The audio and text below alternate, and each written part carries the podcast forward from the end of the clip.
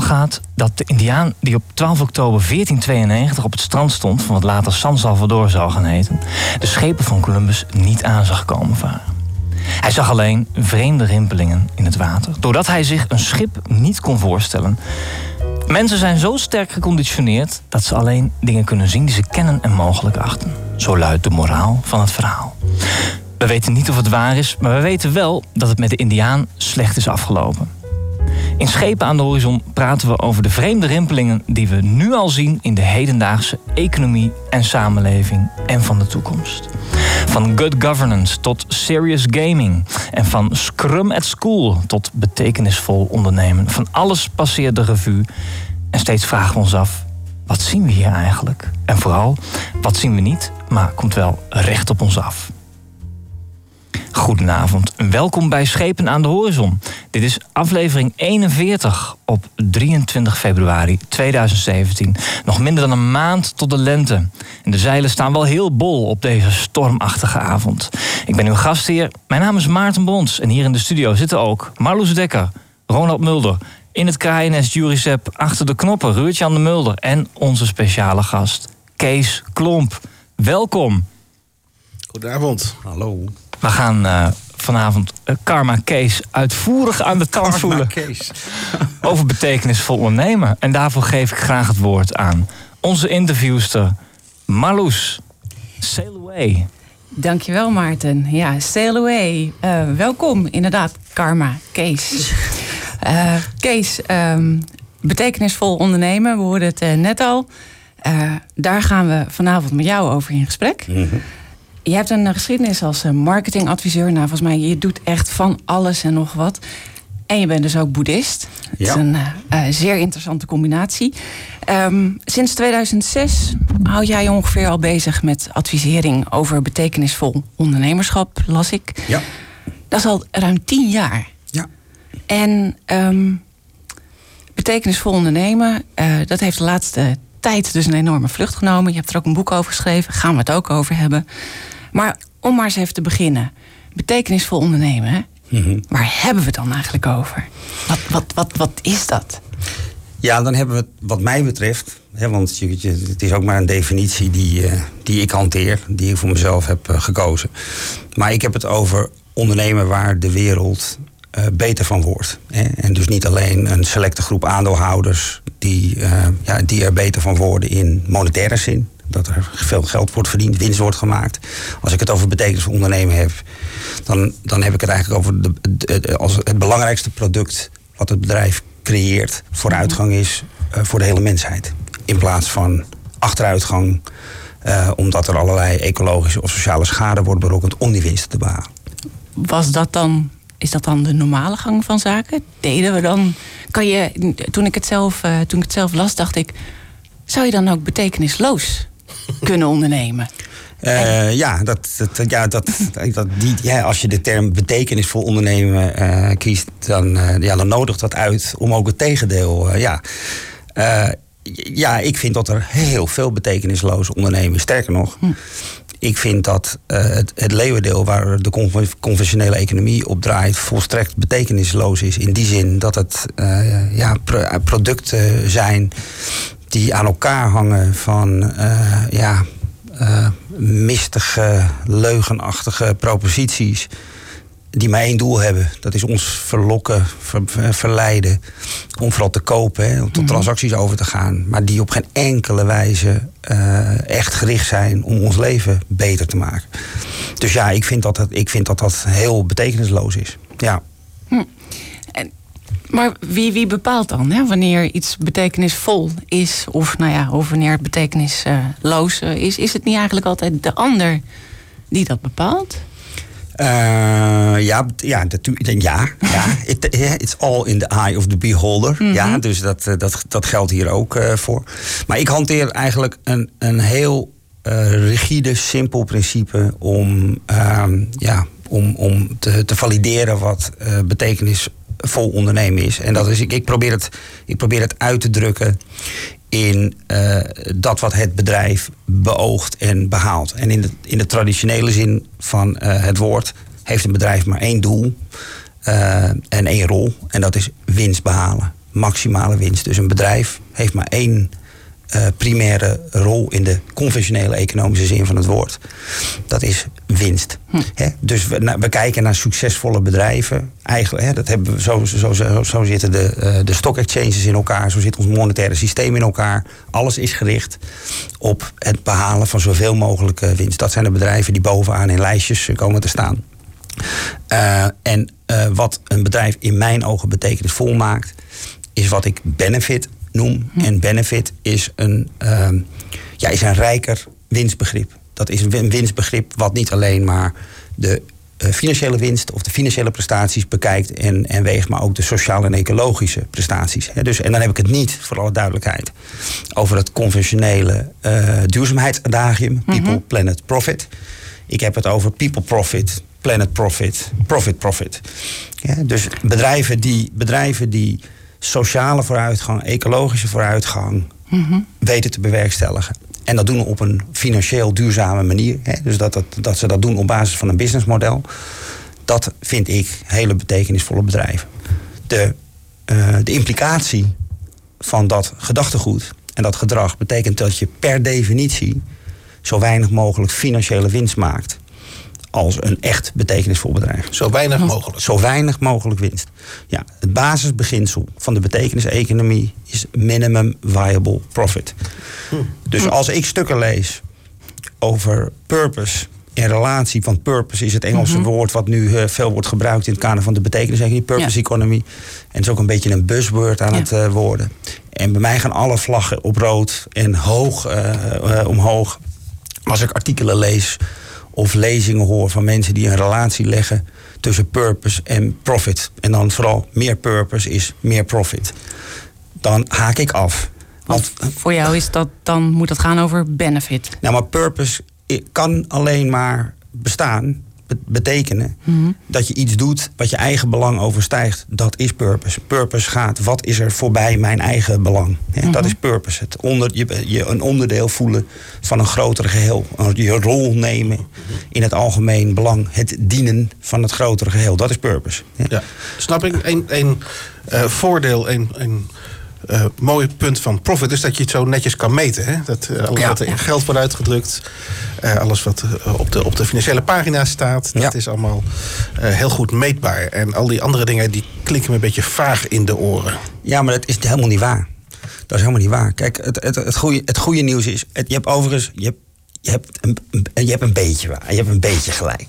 Het was heel uh, moeilijk meetbaar. Maar gelukkig is door de ontwikkeling van die betekeniseconomie en betekenisondernemen is impact measurement, impact meten, mhm. is gewoon hartstikke serieuze, een hartstikke serieuze bezigheid uh, geworden. En veel van de nieuwe wetse bedrijven, hè, dan heb ik het mij voor het gemak over bedrijf, wat nou ja, ik sta een flesje dopper, ik, mhm. heb een, uh, ik heb een Tony Chocolonis t-shirt aan die meten allemaal al hun impact en die rapporteren ze ook. En die impact is niets anders als niet alleen je financiële prestaties delen, met andere woorden, wat zijn, wat zijn de inkomsten en wat zijn de uitgaven, zeg, wat, dat wat traditioneel in een jaarrapportage van een bedrijf staat. Maar ook wat hebben we sociaal nou weten te bewerkstelligen? Welke schade hebben we berokkend of welke, welk goed hebben wij gedaan? En ook ecologisch.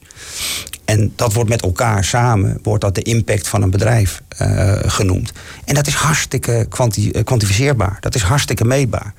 En sterker nog, we gaan uh, het volgens mij, zoals we hier zitten, allemaal nog meemaken. Tenminste, ik hoop dat ik het nog meemaak.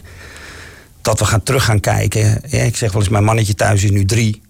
En ik denk dat als hij een jaar of 18 is. En wij hebben een, uh, we hebben een goed gesprek met elkaar uh, over de economie dat hij mij heel glazig gaat aankijken. als ik het heb over die goede oude tijd. waarin we dingen nog gewoon alleen maar uitdrukten in geld.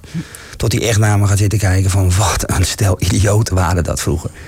Dus dat je, oh, dus dan, dan, was, dan waren jullie bezig met een economie en de, en, een, en een maatschappij en de gezondheid van een bedrijf. En dat drukte je dan uit naar de, hoeveel geld, de hoeveelheid geld die aandeelhouders wisten binnen te harken. Mm Ja, wat denk je zelf?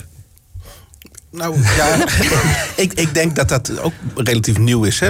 Ergens in de 1500s hebben we in Italië het dubbel boekhouden uitgevonden. En toen konden we mm. pas de winst uitrekenen. Dat kon eerder ook niet. Hè? Dus, en sindsdien is het heel hard gegaan. Ja, het is ontspoord. Dus ik denk, ja, je, je, um, wat je kan meten, dat dat realiseer je ook. Hè? Dus dat, ehm, maar je zegt, we kunnen meer dingen meten. We kunnen, Zeker. We kunnen Tony Chocolonely, die is uh, 17 goed. Of die, is, uh, die heeft 15 impact. Of zo. Dat, Ja. dat kunnen we... Nou ja, Hoe werkt dat? En nou ja, het, ja. nee, wat, wat, nou ja, nee. En hoe vergelijk je dat dan ook? Hè? Want hoe vergelijk je dan de dopper en de, en de Tony Chocolonely? Ja. Ja, nou ja, dat hangt. Dat, dat- ja, dat is ook een goeie. Nou, dat, dat, hangt, dat hangt af van eh, de issue waarop zij impact willen hebben. Dus bij Tony ligt de impact vooral sociaal. Zij willen slaafvrije eh, cacao eh, creëren. En dat is, hun, dat is hun belangrijkste bestaansrecht. Dat is hun belangrijkste missie. En het bedrijf dient om, dat, om die doelstellingen eh, te bereiken. En daar zijn zij. Daar, het, is het grootste doel wat Tony's hoopt te bereiken, is dat ze zichzelf op kunnen heffen. Dat vinden veel conventionele ondernemers een beetje een raar idee en ook een ongemakkelijk idee. En toch is dat wat dat bedrijf daadwerkelijk ten diepste beweegt. Eh, en dat is wat meer van dit soort bedrijven beweegt, omdat ze allemaal, een belangrijk kenmerk van een betekenisvol ondernemer, elke betekenisvol ondernemer begint met een maatschappelijk probleem en niet met een business idee. Dat is ook een heel belangrijk kenmerk voor een betekenisvol ondernemer. Ze beginnen allemaal met het feit dat ze iets de wereld uit willen helpen, iets willen veranderen, iets willen verbeteren. En ze kiezen het bedrijf als een vorm om dat te doen. Het zijn businessactivisten. Dat maakt ze anders. Ik, nu heb ik zelf eh, ooit eh, maatschappelijk werk gestudeerd. En eh, het, ik moet daar even aan denken. Want een van mijn docenten zei... ehm, wij als maatschappelijk werkers zijn er ook op de wereld... om ons overbodig te maken. Ja. Want als, we daar, als wij daarin slagen, dan is de wereld geslaagd. En zijn wij dus niet meer, niet meer nodig. Ehm, Dat gebeurt natuurlijk nooit. Nee. hè, Want er zijn altijd problemen. Ja. Maar eh, Ja. at, a, much higher level. ja, maar dat is dus die, eh, dat is eigenlijk in het kort een beetje de omkering... die er volgens jou dus nu gaande is in... eh, ja, eigenlijk... Ja, nou ja, kijk, weet je, in, in 1974 introduceerde Bhutan, klein boeddhistisch koninkrijkje in de, in de Himalaya bruto nationaal geluk als, eh, ja, eigenlijk als, als, als meetmethode om eh, het welzijn van het land eh, te meten. En dat werd toen nog weggezet als een beetje gekkig boeddhistisch experiment, een beetje zweefteverig. Eh, ja, we zijn nu een aantal jaren verder, hè, want 1974 is nu ook weer niet zo lang geleden.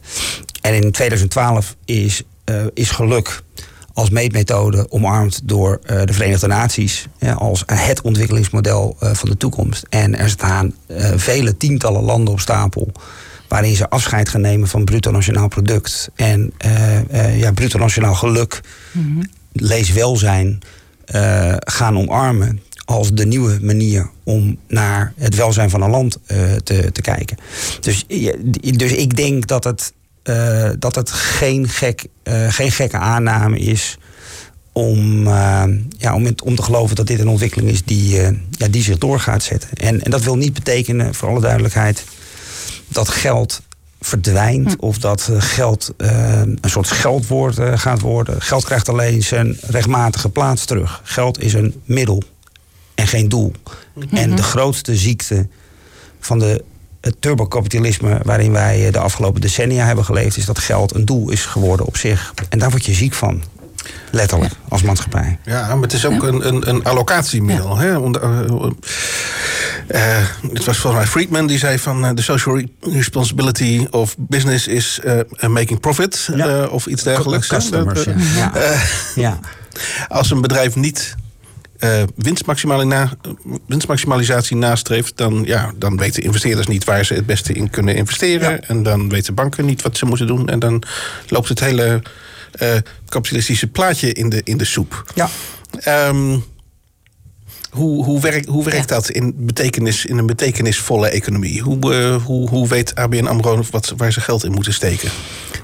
Ehm, nou, goede vraag. Ehm, ik- dat weet ik niet. Ik ben geen investeringsspecialist. Wat ik wel weet is dat impact investing een, enorm, eh, een enorme opkomst eh, maakt. En wat is impact investment eh, of investing?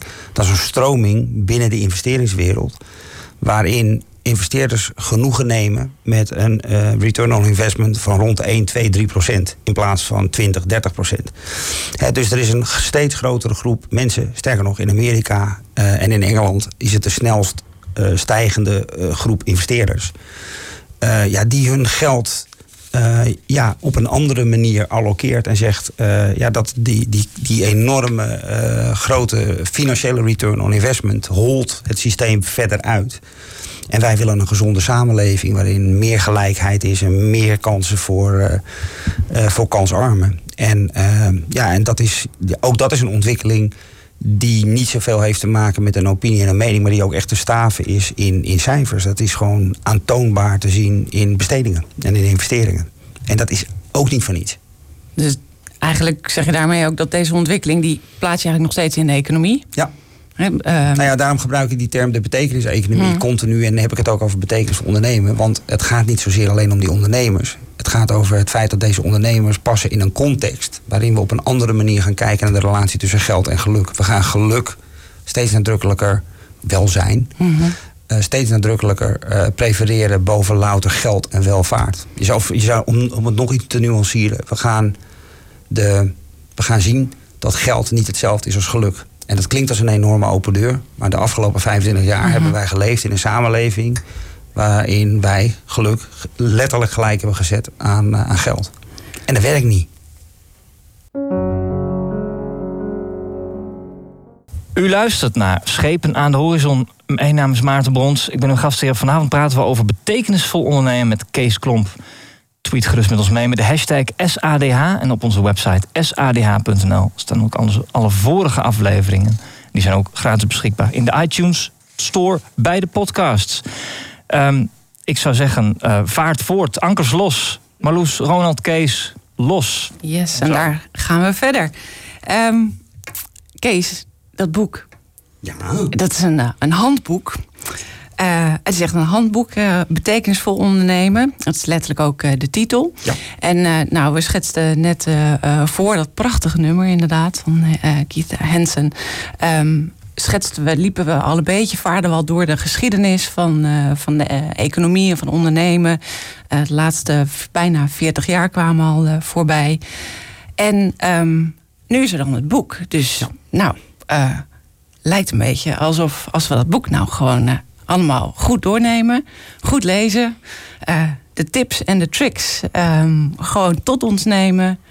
Volgens mij kunnen we dan gewoon in twee jaar tijd die hele wereld omtoveren tot betekenisvolle economie. Of, uh, of niet. Want, en ja, want kan je dat eigenlijk, kan je dat eigenlijk worden? Nou, Betekenisvol ondernemer. Ja. Nou, Jullie ja, handboek lijkt, ja. uh, lijkt daar nou antwoord op uh, het, te willen zijn. Het boek is in ieder geval met de goed bedoelde intenties geschreven om mensen die dit aspireren te helpen. Uh, omdat uh, ja, ik kwam veel mensen tegen die, die, die wel ideeën hadden of ambities, maar die toch ja, die gewoon zoekende waren naar een soort van houvast. Hm.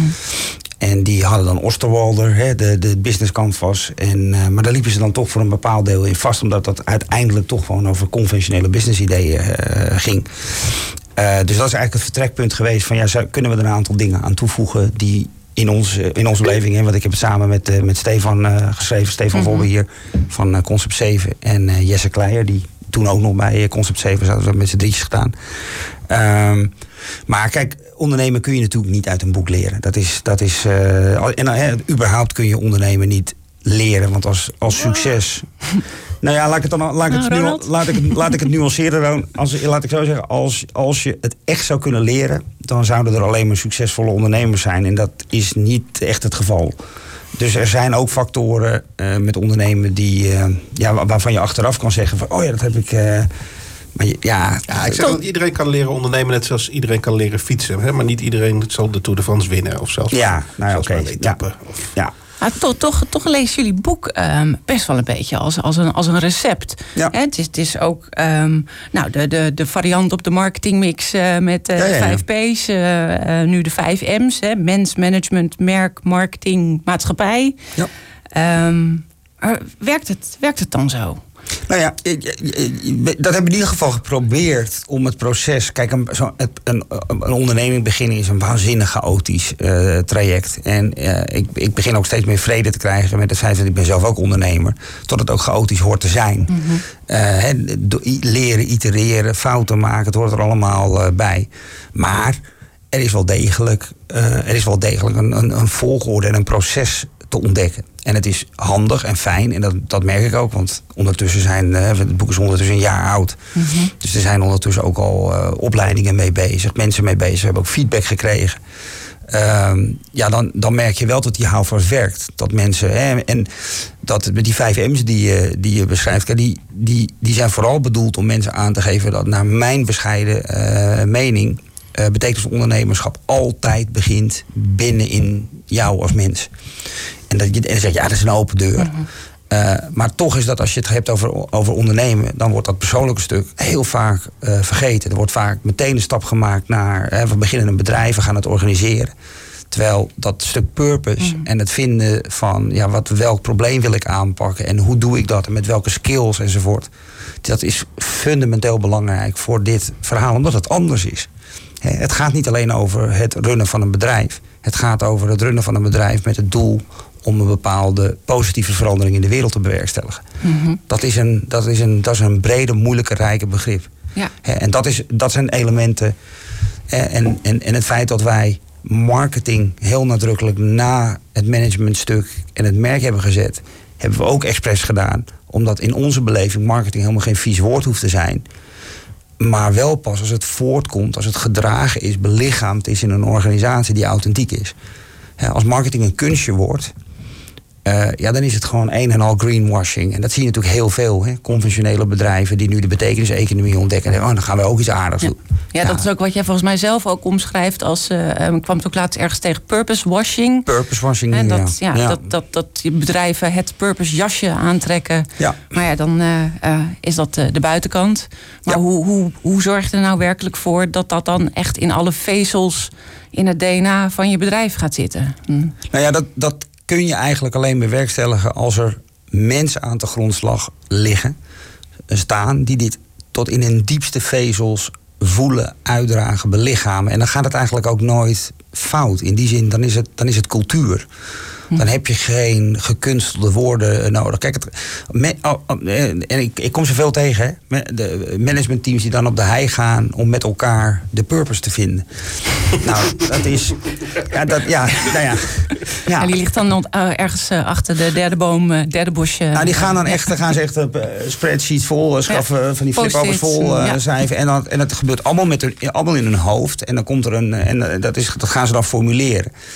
Uh, en dat is allemaal bullshit. Dat is hmm. allemaal gewoon de ouderwetse mission statement, maar dan met duurdere woorden, hogere abstracties. Maar het gaat nog steeds over hetzelfde. Er staat eigenlijk nog steeds gewoon: ik wil zoveel mogelijk geld aan u verdienen, beste klant. En kunt u ons daar alstublieft mee helpen?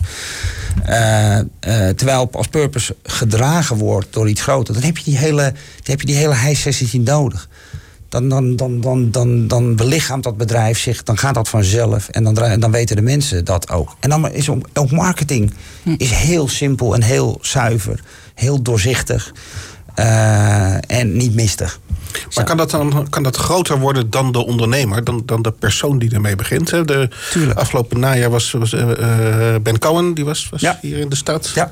Van Ben Jerry's. En die gewoon voor leuk geld zijn winkel aan Unilever heeft verkocht op een gegeven moment. En, maar, maar, is dat bedrijf nu nog, heeft dat nog steeds die purpose? Kan je dat, kan je dat vasthouden? Nou ja, volgens mij zei, zei Ben ook tijdens die speech dat hij spijt heeft van het feit dat hij heeft verkocht. Dus ik denk dat, ik denk dat Ben Jerry's het wel kwijt is uh, geraakt. Ik denk ook dat, dat, uh, ik denk dat er ook hm. nog heel veel intact is bij, uh, bij Ben Jerry's. Maar ik denk dat er vooral ook heel veel uh, kwijt is. Ja, maar wat ik een mooi voorbeeld uh, vind, ja, dat, dat, die, zat, die zat ook in de, die VPRO-uitzending over het rendement van geluk, de Greystone Bakery. Ja, dat is, mm -hmm. ja, vind ik zelf, een van de mooiste bedrijven ter wereld. En dat is bijna 40 jaar geleden opgericht door Bernie Glassman. Die is na de eerste paar jaren heel actief mee uh, geweest. Hè. Dat is die bakkerij waar alleen maar dak- en thuislozen uh, werken. Helemaal gebouwd op compassie om mensen eigenlijk die, die kracht in zichzelf te laten ontdekken en ontwikkelen. En hij was een paar jaar geleden in Nederland. Toen had ik de, het, het genoegen om hem een paar dagen te mogen begeleiden tijdens een lezen. Toen had hij een nieuw boek geschreven. En toen hebben we er veel over gepraat. En uh, hij was toen net en hij was iets van 25 jaar afwezig geweest uit het bedrijf. Dus hij heeft het opgericht en uh, in de directie gezeten. En is toen weggaan heeft het helemaal overgedragen. En hij was een paar jaar geleden, was hij eigenlijk vlak voordat hij toen naar Nederland kwam, was hij gevraagd door de toenmalige directie. Dus dat waren, dat waren ondertussen al vijf CEO's verder om aanwezig te zijn op een soort, nou ja, ze noemden dat dan de Mandala Day. En, dat, en dan kwamen alle mensen die ermee te maken hadden. En, uh, en wat hij vertelde is, hij had nooit woorden toegekend aan dat wat ze met het bedrijf deden. Woorden als compassie en honesty en, en gelijkwaardigheid en oordeelloosheid. Mm -hmm. En hij vertelde, uh, hij stapte daar binnen. Ze waren bezig met z'n allen met sessies om, uh, om, om woorden te geven aan het bedrijf. Want dat wilden ze dan in de kantine hangen. En hij zegt, daar stonden al die woorden opeens. En hij zegt, ik was daar 25 jaar niet geweest. En al die woorden die ik toen in het bedrijf heb gestopt, zonder ze te noemen, maar gewoon uit mijn handen, door daden, die stonden daar op de muur. Dus ik denk dat als een bedrijf echt heel diep geworteld is in die compassie. En dat betekent dus ook dat het in het verdienmodel ge, uh, gewaarborgd is. Dat het bedrijf ook niet te prooi valt aan durfkapitalisten die het alleen maar leeg gaan, uh, gaan trekken. Dan kan purpose tussen mensen stromen. En dan kan het voorbij de oprichter, uh, oprichters gaan en inderdaad gedragen worden in, in cultuur. Zou er misschien wel bij jullie boek een soort disclaimer... Een disclaimer, ja. Gebruik dit boek voor, uh, ja, ja, goed idee. Als, ja. een, uh, ja. als een inspiratie of een start. Maar er is nog wel wat meer voor, de, voor nodig. Mm. Dacht ik zo, ja. goed, goed ja. Um, ik zal het doorgeven aan de uitgever. Ze zijn met een nieuwe druk bezig, dus uh, het kan ja. misschien nog net. En, en, uh, en wat je net uh, zei, um, even buiten de uitzending om... je gaat ook internationaal. ja, we zijn, we zijn bezig om ja, een, een, Engelse uitgave. Dat is het, dat is het plan, ja. Het, het, de, de purpose economy leeft. Ja. ja. ja. En um, dat boek... Nou, je bent al vanaf 2006 bezig ja. um, met uh, betekenisvol uh, ondernemen. Mm -hmm. Noemde je het toen trouwens zelf ook al zo, tien jaar geleden? Nee, nee. Nee, ik heb voor uh, het handboek Betekenisvol Ondernemen drie andere boeken geschreven eerder. maar die boeken hadden nog een expliciet boeddhistische ja, insteek. Mm -hmm. ik, die zijn ook uitgekomen bij een boeddhistische uitgever. En ik gebruikte er toen uh, de, de, de, benaming corporate compassion uh, uh, voor. en ik was toen ook nog heel trouw in bronvermelding. Hè, dus ik gebruikte daar ja, stukken uit de, uit de Dharma en de, de boeddhistische leer om, ja, om mijn toewijding richting compassie en liefdevolle vriendelijkheid en generositeit en mm -hmm. om dat verder te, te, te duiden. Uh, en ik was ook eigenlijk helemaal niet van plan om een, nog een vierde boek te gaan schrijven. Totdat de uitgever uh, vroeg of. Uh, ja, die, die, ja die, die zeiden dat er veel jonge mensen waren die geïnteresseerd waren in een soort manual. Mm -hmm. Jonge mensen? Jonge mensen, ja. Jonge mensen, ja. En dat, dat ben ik toen maar gaan doen. Dus het is. en toen, en toen is eigenlijk. Is die term, nou die term is al eerder ontstaan, maar die had ik, die had ik nooit gebruikt. Ik gebruik ook sociaal ondernemerschap uh, regelmatig als term. Maar ik wilde het koppelen aan de ontwikkeling van het grotere geheel, die betekeniseconomie. En vandaar, mm. vandaar dat ik het woord betekenisvol heb uh, gebruikt. En is dat ook nodig om jongere mensen aan te spreken? Werkt dat dan niet met termen als, um, hoe zei je het nou, corporate compassion? ja. Of is dat typisch nou ja. iets... Kijk, ja, weet je, je, je, hebt, je, hebt in, je hebt in je leven, maak je van die stappen door dat je achteraf terugkijkt en denkt van, ja, wat, wat was ik, wat dacht ik toch over uh, na? En als ik dan, als ik nu terugkijk naar mijn, mijn eerdere boeken, uh, de, de expliciet boeddhistische boeken, dan ben ik daar onverminderd uh, hartstikke blij mee, want alles wat erin staat, daar sta ik achter. Maar ik begrijp wel steeds beter dat het acquired taste uh, is, zeg maar. Het is, ja, het is minder boeddhistisch. Ja, weet je wel. En uh, dat moet, daar, moet je, daar, moet je van, daar moet je van houden. Is het dan minder toegankelijk voor de westers ingestelde mensen? Ja, want, want ja, weet je, het, het, wordt toch al snel, zonder dat ik dat overigens ooit zo bedoeld heb, maar het wordt toch al snel evangeliserend op het ah. moment dat je, dat je er een, boeddhistisch, uh, een, een boeddhistische component aan wil even kiezen. Overigens ik denk dat handboek betekenisvol ondernemen mijn meest boeddhistische boek is wat ik natuurlijk heb geschreven. Ik heb alleen het woord Boeddha nergens genoemd. Het is ook maar een het handboek. Gaat, het gaat, het gaat alleen maar over compassie en, uh, en inter zijn en al die elementen die in het boeddhisme uh, ja, de pilaren vormen. Ja. Dit is namelijk Schepen aan de Horizon. Uh, Postindustriële chronieken voor nieuwsgierige geesten. Mijn naam is Maarten Brons en vandaag praten we met Karma Kees. Bedrijfskunde voor een betere wereld. Um, het roer strekt vooruit. Uh, kijk maar op het kompas. Marloes Ronald, steek van wal. We kijken uh, aan de horizon. En als we dan aan de horizon kijken, we hebben al veel aan bod gehad in, dit, in dit uur. Net ook al over de, de rol van geld bijvoorbeeld en geluk. En nou, je, je boeddhisme kwam daarin ook al ter sprake. Um, kan je eigenlijk ook betekenisvol ondernemen zonder geld? ja, dat kan. Ja. Of met heel weinig geld. Laat ik. Nou ja, kijk, een van de een van de vragen die ik regelmatig gesteld krijg is.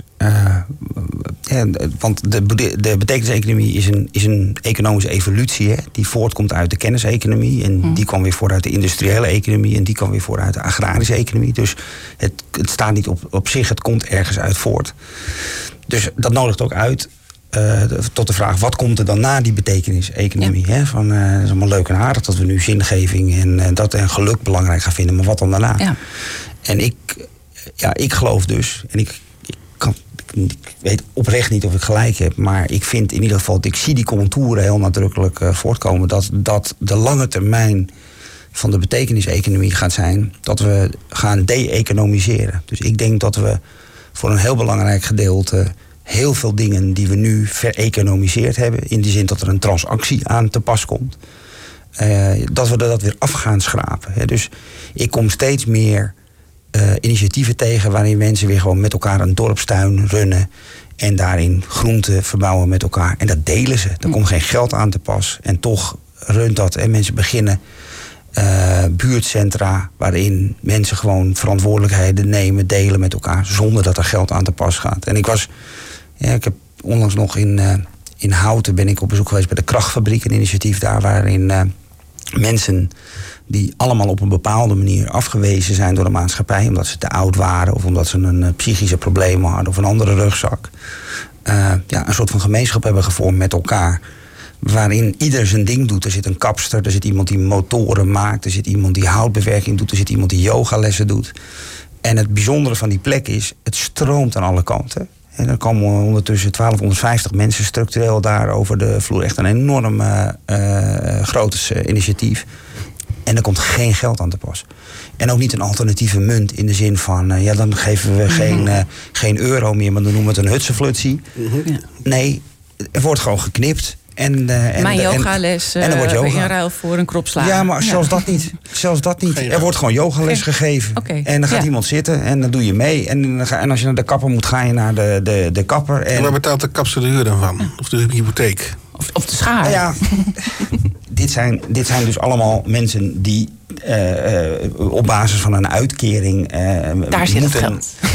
ja, nou ja, goed. Ik bedoel, kijk, een van de, van de scenario's die je, die je natuurlijk ook voorbij hoort. het, komen het basisinkomen. Mm -hmm. Dat zijn natuurlijk ook ontwikkelingen die, daar, die daarbij horen. Maar ik denk dat we wel toegaan aan een situatie waarin we een heleboel dingen uit het economische domein gaan trekken. In de, zin, in de transactiezin van het woord. de, ook de transitiesteden uh, horen erbij, de, de transition towns met zelfvoorzienende ja. energievoorziening, zelfvoorzienend in, uh, in voeding in plaats van altijd maar bij de supermarkt uh, gaan.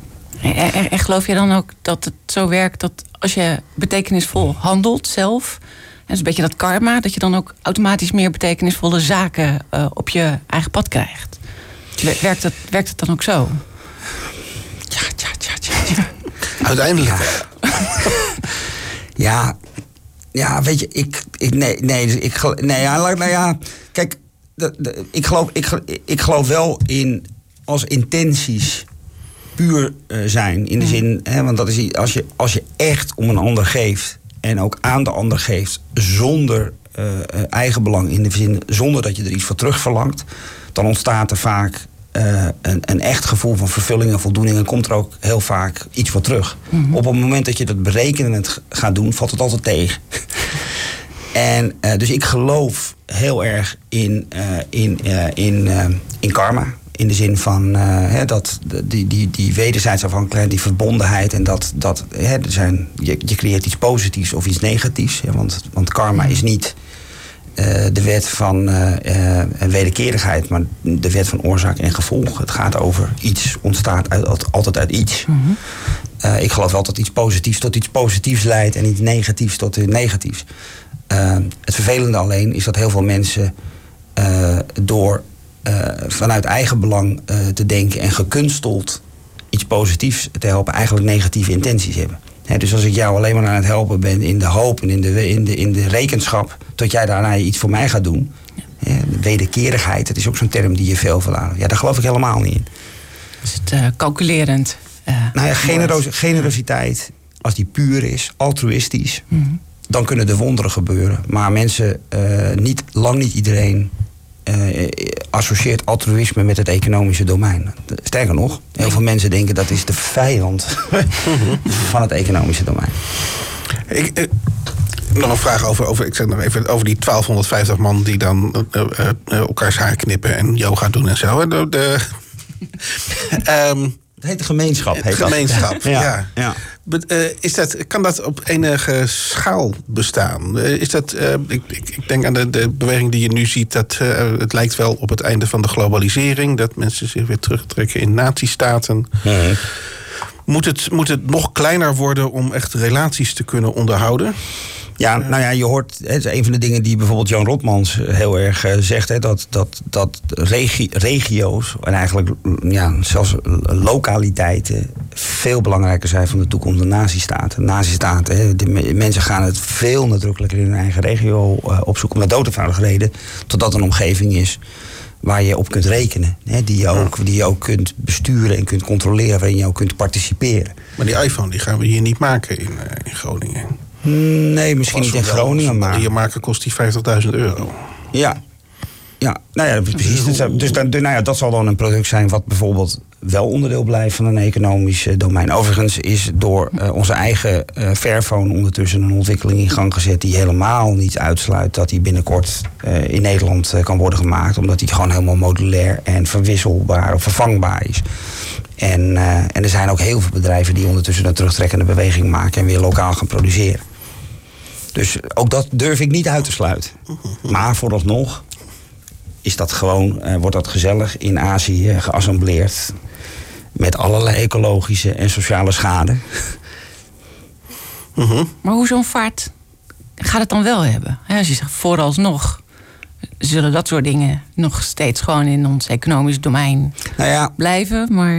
Nou ja, kijk, als ik, als ik zie dat ik tien jaar geleden uh, dat dit nog zwaar ondergronds, niche, uh, bijna anarchistisch punk. was, punk was.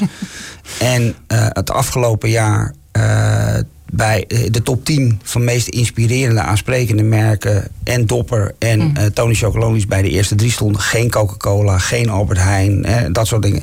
Ja, dat geeft al aan dat het hard gaat op het moment. en, en, en, en dit zijn maar een aantal bedrijven, maar overal in de wereld zie je een enorme opkomst uh, van, uh, van dit soort uh, bedrijven. En dan ook echt overal in de wereld. Hè. Dus de, de, de, de, de misvatting dat dit een typisch verwend West-Europees verschijnsel is, is bullshit. De, de Sustania 100, dat is een denktank uit Denemarken... die elk jaar de duur, 100 meest duurzame, belangwekkende duurzame innovaties presenteert. Een derde van alle baanbrekende innovaties komen al jarenlang uit Afrika en niet uit Europa. dit, dit, is een, dit, is een, dit is een wereldwijde beweging van mensen die gewoon weigeren dat bedrijven de planeet naar de kloot helpen. En de tipping point hebben we al gehad. Nou, nee, de tipping point hebben we nog niet gehad. Maar er wordt de, de, de, de, de, worden, de stemmen worden steeds harder tot 2020 wel eens een tipping point zou uh, kunnen worden. En dat heeft te maken met het feit dat deze beweging primair wordt gedragen door millennials. Hm. En millennials dan eigenlijk de dominante factor gaan worden in de arbeidsmarkt. Dat is al over drie jaar. Dat is over drie jaar. Dus we gaan. Uh, dat is morgen. Dat gaat snel. ja, ja, maar het gaat ook snel. Oké, ik ga maar eens investeren in. Uh, nee, was, was dat dan weer niet de bedoeling? Als je impact invest, is dat hartstikke goed, man. Ik weet niet of je genoeg gaat nemen met 2, 3 procent. Het is meer dan dat je op de bank krijgt. Ja, precies. ik ben er lang blij mee. We zijn uh, alweer bijna door de tijd. Gaat snel, hè? Zo'n uur. Het gaat heel snel, ja. ja. Ik vond het leuk. Ja? Ja, mooi. You're very welcome. Ja, nou, graag gedaan, jongens. En uh, mochten we daar goesting toe voelen, uh, nodigen we je zeker graag nog een keer uit Nou, in de nabije toekomst. Helemaal goed. We doen dit al bijna vier jaar, hè? Hoe betekenisvol is Scheep aan de Horizon eigenlijk? Kun je daar een korte analyse van maken? De, de... Nou, voor, bij mij gaat deze de betekenisvolle boek in, hoor. ik vond het een, een heel betekenisvol uur. Fantastisch. Dit is Schepen aan de Horizon, de 41ste aflevering. Reuze bedankt aan onze partners Oogradio, Voice Telecom, Warpnet en Studium Generale. Volgende maand voelen we de vers aangestelde gemeentelijke CDO aan de tand, Nick Stevens. Tot die tijd kunt u alles terugvinden online op sadh.nl en gratis in de iTunes Store bij de podcasts. Schepen aan de Horizon wordt gemaakt door Ronald Mulder, Liekle de Vries, Juri Sepp, Marloes Dekker. Mijn naam is Maarten Bons. Aan de, aan de knoppen in de techniek, Ruurt-Jan de Mulder.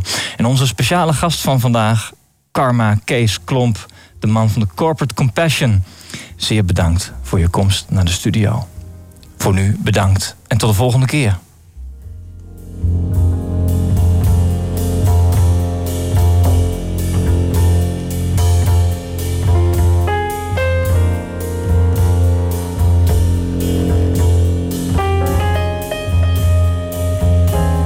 Geloven dat ik nu zou rusten. De winter in het ommuurde stadje blijven, een huis bewonen, klare zinnen schrijven en voor het eerst wat langer voortgekuste vrouwen hier bij mij te hebben en ter ruste met hen gegaan, lang in omhelzing blijven. En langzaam werden mij hun willige lijven vertrouwd als vroeger vaak bezeilde kusten. Zo dacht ik zittend in mijn kamer, maar vannacht hoor ik de najaarsstorm aanheffen. Het dakhout maakt als kreunend wand misbaar. Ik woon zo ver van de zee, zo dicht bij haar. Het storten der branding kan mij hier niet treffen. Hoe kan ik zo wanhopig klaar beseffen dat ik weer scheep zal gaan voor het einde van het jaar? Slauerhof, Zeeroep.